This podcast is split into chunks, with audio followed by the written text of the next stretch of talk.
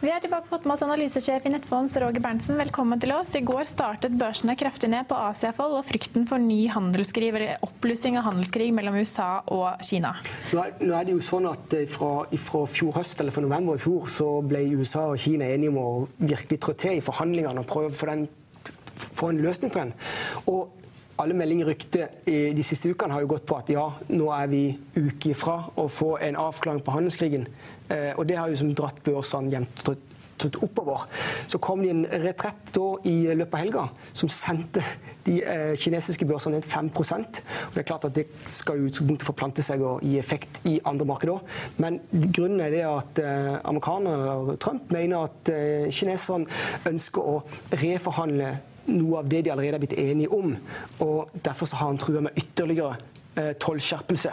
Ja, og eh, det vi så i markedet i går, var jo at Asia-børsene som sagt falt 5 Oslo Børs når vi hadde sending var ned 1,1-1,2 ja. mens Wall Street, som falt kraftig fra børsåpning, som vi så i bakgrunnen når vi hadde sending i går, de hentet seg inn mye av fallet i løpet av dagen. Ja, og er, da er, det jo mange som begynner å spekulere i er dette reelt. Altså kommer det en, altså Når, når eh, Trump truer om, vi, om det blir reell tolløkning ikke, har han lov til det?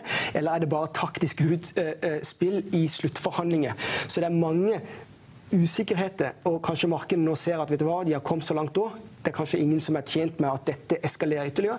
Så, så markedet har jo i, i første omgang da eh, tatt det relativt pent og pyntelig. Mm. Så, så, det er jo som eh, min eh, tolkning av det, det, som har skjedd. Så er det jo sånn, det er jo spesielt for, Oslo Børs en del. altså Vi er avhengig av at verdensøkonomien uh, ruller og går. Uh, og så, så, Oslo Børs vil jo være veldig sårbar om dette ikke skulle løse seg. Men vil det det? For det vi så i går, var, også, var jo også det at oljeprisen hadde falt, uh, fortsatt faller kraftig og var på det laveste nivået på fem uker. og det kan jo også bety at det var derfor Oslo Børs falt såpass mye i går. Men hva når vi har sett disse handelssamtalene, har ikke hatt den store effekten på Oslo Børs? Nei, det som er greia, er at når, når, eh, når oljeprisen faller i dollar, er én ting altså, som en følge av det, og det er jo frykt. Men dollaren stiger jo i verdi. Sant? Så dette for f.eks. For, for Statoil eller Equinor, som det heter nå, eller for norsk økonomi, gitt at dollaren er så sterk, så er det veldig fordelaktig. Så det stabiliserer litt seg sjøl. Så er det jo sånn at en høy eller sterk dollar over tid er ikke bra for liksom, hele verden av hensyn til gjeldsbelastninga globalt. Den er i dollar. Så, så, det er jo frykt. Altså, Dollaren er så sterk. Det forteller meg at det er, men, men det er en frykt. Men nå svinger alt så mye. Altså, har vi sett da, aksjekursen i, i, Asia, så har vi sett uh, fallet i USA, som tok seg inn osv. Og, og oljeprisen var vi snakket vi om her senest i går. Uh, og den har vært fallende hele tiden. Og plutselig i løpet av døgn, de siste døgnene så er plutselig oljeprisen opp et par dollar igjen per fat. Så er alt bra, da? Ja, nå er det jo sånn at vi, vi har jo altså, vi har, har jo OPEC. OPEC har jo kriga om markedsandeler siden 2013-2014. Sånn at det er jo kartellvirksomhet i, i oljebransjen. Her, her, bruker her brukes det jo politisk for, for Er bunnen nådd nå? Skal vi opp igjen nå? Nei, og det vet vi ikke. Det eneste vi vet, at, at, at markedet tålte ikke når oljeprisen lå i 85 dollar fatet, uh, når vi gikk tilbake i, altså, før jul i fjor det tålte tydeligvis ikke markedet. Det er klart at det er en belastning for alt som handler om transport. Det en skal huske på det er at Markedet har blitt drevet av teknologi på den ene sida, og transportsektoren. At ting skal fraktes rundt med lastebil, buss, eh, skip og alt mulig. og da, høy, høy, oljepris eh, er ikke bra da, for verdensøkonomien. Så, så, eh, Men det er bra for Equinor, det er bra, det er bra for, for Aker BP, og det er bra for Prisevne, og det er bra for masse andre På disse nivåene som vi er nå. Ja. ja. Men kanskje Men Oslo Børs er jo svakt opp opp i dag, da. Eh, så, så, den frykten for handelskrig som på en måte avtok kanskje litt, eh, eller en eskalering av handelskrigen, som avtok litt i går i Wall Street, er det det som gjør at vi nå ser at Oslo Børs er i positivt terreng i dag? I dag så er det jo, Nå er jo som resultatsesongen på Oslo Børs begynt. Så i dag hadde vi jo som Tomra, vi hadde, hadde eh, Movi, tidlig Marine Harvest, og vi hadde Orkla. Orkla leverte jo bedre enn en, en venta og stiger og drar med seg Oslo Børs pga. at de, de vekter så mye i indeksen. Orkla er jo en aksje som da har faktisk slitt både, med, både på salg og på marginer eh, i en god stund nå. Men, men i, i, dag De tjener jo trekvart milliard i kvartalet. Sånn. Ja da, så det tikker og går. De har en robust posisjon ikke bare i Norge, men i Norden på merkevare. Eh, Orkla er jo et, et, selskap som vi har snakka ofte om eh, i studio her i mange år. Så, så vi er jo in, investert i, i Orkla. Eh, eh i dag også. Men, men, det er viktig at Orkla, eller resultatene drar Oslo Børs litt ekstra opp i dag. Ja, for det, i hvert fall rundt formiddagstid så er vel fortsatt da Equinor ned i dag 0,8% så vi ser jo at en rekke av oljeaksjene Det er svingninger som Trygve er inne og peker på. Men, og, og, og, altså, var, kom også med tall i dag. Mm. Tidligere Marine Harvest. De tjente jo to milliarder eller sånt i kvartalet. Ja, det blir jo åtte milliarder på årsbasis så er det jo sånn at Movi de, de har jo allerede guida hva de kommer til å levere, så det skal ikke bli så store utslag når det faktisk kommer på kvartalsdagen. Nei, men det var det, var det samme ja. som de guidet. Det var rundt 2 milliarder ja. kroner eller noe. Veldig robust.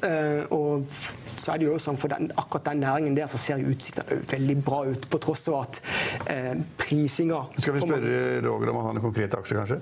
Ja, vi må alltid spørre om du har noen favoritter. Nå er det jo veldig Buffett-forankra når vi sitter i studio, derfor jeg sitter i studio her. Men du var ikke på Berkshire Hathaway-forsamlingen i år, altså? Nei, det var ikke. Nei. Nei. det var ikke. Men, det var i var det natt til I natt til foregårs eller i går. Men jeg fulgte det live. Eh, på, de streames live. Eh, så, så, jeg fulgte hvert minutt. Fikk med meg, eh, så fikk med meg alt. Men tilbake til hvis du skal ha Buffett-preg, så er det sånn finne aksje eller selskaper du kan være investor i altså for lang, lang tid, 10-20-30 år. Og da har vi jo Marin Harvest, eller Movi som det heter i dag, SalMar, eh, Lerøy, disse sjømatselskapene som er veldig store, det, det mener vi er trygge, trygge selskaper. For det, er alle, så mange impulser som, som går mot akkurat det i sin produkt. Og så eh, har bl.a. Movi blitt så store at de, de nå kan levere et gitt produkt over hele verden. De ønsker òg å utvide til å få bygge en franchisemodell rundt sjømat. Så det er som andre de sprer seg ut mer enn bare å være et rent sjømatselskap. Så, så, så, så, må vi, vil jeg fremheve Hvilke aksjer du har i porteføljen din? Ja, da må vi det, SalMar. Det er alle, alle. Så vi, vi har eh, opp mot 40 er vekta mot sjømat eh, og mot Orkla. Eh, fremdeles. Det var det i fjor, og det var det i forfjor. Orkla det er for deg sånn som Storebrand er for Kisner, det? Ja, altså, ork, or, må huske på det Evig forelskelse blir ikke kvitt det? Nei, kanskje det. Men ork, Orkla er jo som, som, som Equinor, som Telenor. Det er ikke noen sånn vekstimpulser der, men altså, de har en robust posisjon, gode utbytte. Sant? Så dette, du vet hva du får. Akkurat nå så har uh, Orkla-aksjen de siste par årene har liksom kommet litt ned pga. marginskvis og, og, litt trøbbel på, på, på topplinje.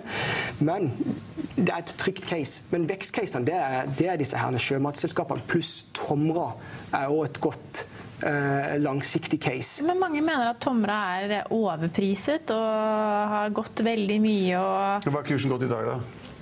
Ja, nå er det jo ikke Vi har ikke startet, startet, startet med noen prosent, gjorde ikke det? Eh, skal vi se om jeg kan finne de her. Eller skal du spørre gjesten? Ja, du kan spørre gjesten hvis ja. han har det i hodet. Det ja. Har du startet ned, jeg gjorde ikke det da? Eh, ja, men det, De går x utbytte, da, 4,50. Ja. Så dette korrigerer for det, så er den vel fla, relativt flatt. Ja. Eh, tomrer. På gode kvartalstall, som du sier. Ja da, men der er det også sånn. Altså, dette er et selskap hvor du som analytiker ikke, altså, Det er vanskelig å regne fram altså at dette her er et billig et røverkjøp. Med mindre ikke du har en idé om hvilken retning den industrien eller det selskapet går i. Og, Hva hvilken... tenker du om retningen, da? Ja, Det, det ene er det at uh, Tomra hvor fra den starten, altså hvor de faktisk har bygd eller skapt sitt eget marked med retur uh, med pant av, av, av, av tomflasker, og til å bli en altså Nå er det jo i EU, det er direktivet i EU, det er USA. Alle skal liksom bli kvitt plast i natur. Det er så det er så, det er så enormt med det er så enormt med momenter som taler for Men hvor mye er det priset til? Hva er prisøkningen på selskapet? Jeg kan ikke si det eksakt nå, men han, Grovt? Han, uh, ja, jeg kan ikke ta det på stående fot, men han prises, prises veldig høyt nå. Veldig høyt. Veldig høyt. Og, og, så, det, så, hvis du bare regner på det de har i dag, og, og de, de vekstmultiplene de har hatt nå, så, så, så er han full, så er han fullprisa. Full ja, han er det. Men så er det som sagt at, at hvis det kommer en nedtur, noe som jeg er veldig opptatt av, så er det sånn at ja, da kommer veldig mye selskaper ned. Men noen selskaper kommer tilbake igjen. altså De har fremdeles altså at disse markedet er ikke ødelagt. Tvert imot så er det sånn at det er ikke så mange spillere i Tomras nisje. Og så vet vi at det er mange industriselskaper som har slitt etter finanskrisen, som kunne tenke seg kanskje å komme inn på det området som Tomra er i. Eh, og da er det jo mulig altså, Det er jo bare noen sånne svære blikkbokser som du putter i flasker ja, det er sortering, det er. Så, så, står det en annen person på andre siden av automaten og tar imot flasker og legger i kasse. Ja, det, ja men det, det, det, var det viktigste. Det er ikke det viktigste i dag. Altså, det er sortering. sortering. Når sortering er kommet ja, det er det. Ja, ja. Så, det, så er viktig, men, men, men se på hvordan selskapet har vært fra starten, og hvordan utviklet Altså, De, de, er flinke folk med bra filosofi. Men Trygve har rett at det sånn multiplmessig nå, det er, eh, så er det dyrt. Men når, men når du sier 10-15-20-30 år, da kan man jo også tenke hva man skal putte sparepengene til sine små barn i i dag. Da. Så mm. mener du da at hvis man skal få best på måte, avkastning på sine fremtidige sparepenger for barna, bør sette de i Orkla sjømataksjer og nettopp ja, type Tomra? Ja, i alle, i fall, i alle fall, sjømat. Uh, vi tror bare liksom, Vi husker på det, det ene er at det er tilbud etterspørsel på, på, kort sikt. Eh, og tilbudet selvfølgelig dikterer jo veldig mye av, av, av prisen. Men hvis vi bare har jo, har jo, Vi har jo holdt til i, i Olav Thons hovedkvarter, Nettfonds, i, eh, i, i, mange år. Og så lenge jeg jobber i Nettfonds, er jeg inne mitt 14 år. Og da er det sånn at når, det, når Thon serverer laks i kantina så, så, kan du se på uh, spotprisen på laks. Og, og, og, og da, er den relativt lav, men da er den trygg å kjøpe sjømataksjer. Altså hvis, du ser, hvis du går tilbake, så var det 25 kroner kiloen, og så er det 50 kroner kiloen har det blitt nå. Og jeg tror går du 5-10 år, så er det 75 kroner som de kjøper på uh, i kantina til Tone, og så kommer det til 100. Det, og det er bare fordi at, at, at appetitten globalt eh, blir bare større og større. Eh, og det har, det har selskapet som altså må vi lære å gjøre. De er gode til å markedsføre produktet og utvide, uh, utvide nedslagsfeltet for, uh, for uh, laks. Og så en annen ting er at Husk på at laks kan brukes til alt. altså Både til frokost, til lunsj, til middag og til kvelds. Og til fest. Og det er et, Kanskje. det er et godt, du, du, godt utgangspunkt. Det engelsk, engelsk sånne overklassen de fisket jo norske lakseelver i Namsen og mange, mange steder ja. lang tid tilbake. Mm. Og de nordmenn som jobbet for dem, de hadde da avtalefestet skriftlig i kontrakten at de kunne gjerne ta jobb, men de måtte ikke spise laks mer enn to ganger i uka. Nettopp, ja. De gadd ikke mer. Nei. men du nevnte bare i en bisetning en annen ting som jeg føler vi kanskje kan avslutte med. Hvis det kommer en nedtur nå, Kommer det nedtur nå? De kommer jo altså, før eller siden, siden ja. så kommer det jo. Men det som er viktig, det er at det er ikke jeg, min, min, filosofi, som er jo sterkt diktert av uh, Buffetts filosofi, er det at vi er, prøver å være investert i kvalitetsselskapet. Og kvalitetsselskapet har en tendens til å komme styrka ut av hver nedtur. Så sitter du på robuste, solide selskapet, så vet du det, så ønsker du kanskje at det skal komme en, en, en nedtur. Det er mye verre for de svakere spillerne. Så du tror ikke på selg in May and go away? Nei. Det, altså, for, for, altså, det er jo altså, Det er jo trader som lever av det, da. Og og husk på det, altså, det positive med aksjemarkedet det er en plass for alle. Mm. Om du er investor langsiktig, om du er en trader eller hva du altså, så, så, så, noen følger sånne type uh, mønster. Vi liker å være investert kun i selskapene våre og være investert i kvalitetsselskapet. Og da ønsker du kanskje å ha en nedtur. Så er det jo sånn at vi er jo i en 10-11 års oppgangssykkel, som, og på slutten så har de blitt dratt av de store teknologigigantene i USA.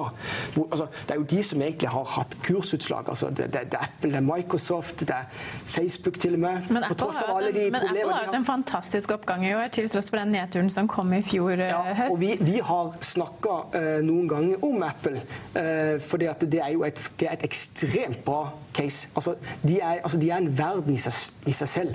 Og, og, det er klart at nå, de har, nå har de klart å prøve, faktisk å funne smerteterskelen for prisen på sine iPads og sine, sine iPhones. Altså, Men Oslo Børs er jo opp 10-11% eller sånn nå.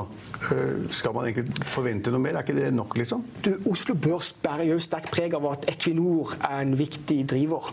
Equinor-aksjen, den var opp over 200 kroner aksjen, så er den jo fullpriset. Det er jo ikke noen vekstimpulser i den. Så, så, så eh, Equinor er jo en obligasjon. Så, så det, Oslo Børs legger litt, henger litt etter andre børser Jo, men altså 10-12 altså Man skal ikke, kan ikke forvente mer å tjene mer enn det i aksjemarkedet. Nei, det, det skal du ikke. Historisk så har vi vel ligget på 11-12 på, så, så det, det, er riktig. Hvis vi skal avslutte da, Skal Oslo Børs videre opp, eller tror du på at vi vil få en utflatning eller fall utover året? Vi vet hva, vent i spenning på hva som kommer til å skje. Det eneste en, en, en en er sikkert, det er det at denne handelskrigen mellom USA og Kina den, den, den, legger jo et teppe her.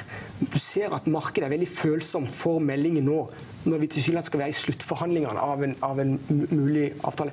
Men det er klart at hvis ikke du kan klare å regne fram noen ekstrem oppside i Equinor eh, Telenor er heller ikke noe vekstimpulse. Eh, de prises òg kanskje der de burde prises, altså opp mot 180 kroner. Eh, Orkla er det fremdeles litt rabatt i, men det er ikke noen vekstimpulse der. Sjømat kommer til å faktisk, tror jeg, drive det, kunne drive det videre, men sånn, sånn røftlig eh, 10-11 eh, Der er jeg enig med Trygve. Det er ingen dårlig det er ingen dårlig eh, avkastning så langt i år. Tusen takk for at du kunne være gjest hos oss. Da skal vi videre til tekniske analysen av hovedneksen brentolje og valuta. Hi, I'm Daniel, founder of Pretty Litter. Did you know cats tend to hide symptoms of sickness and pain? I learned this the hard way after losing my cat, Gingy. So I created Pretty Litter, a health monitoring litter that helps detect early signs of illness by changing colors, saving you money and potentially your cat's life. Pretty Litter is veterinarian developed, and it's the easiest way to keep tabs on your fur baby's health right at home. Go to prettylitter.com and use code ACAST for 20% off your first order and a free cat toy. Terms and conditions apply. See site for details. Økonominyhetene er en podkast fra Finansavisen. Programledere er Marius Lorentzen, Stein Ove Haugen og Benedikte Storm Bamvik. Produsenter er Lars Brenden Skram og Bashar Johar. Og ansvarlig redaktør er Trygve Hegnar.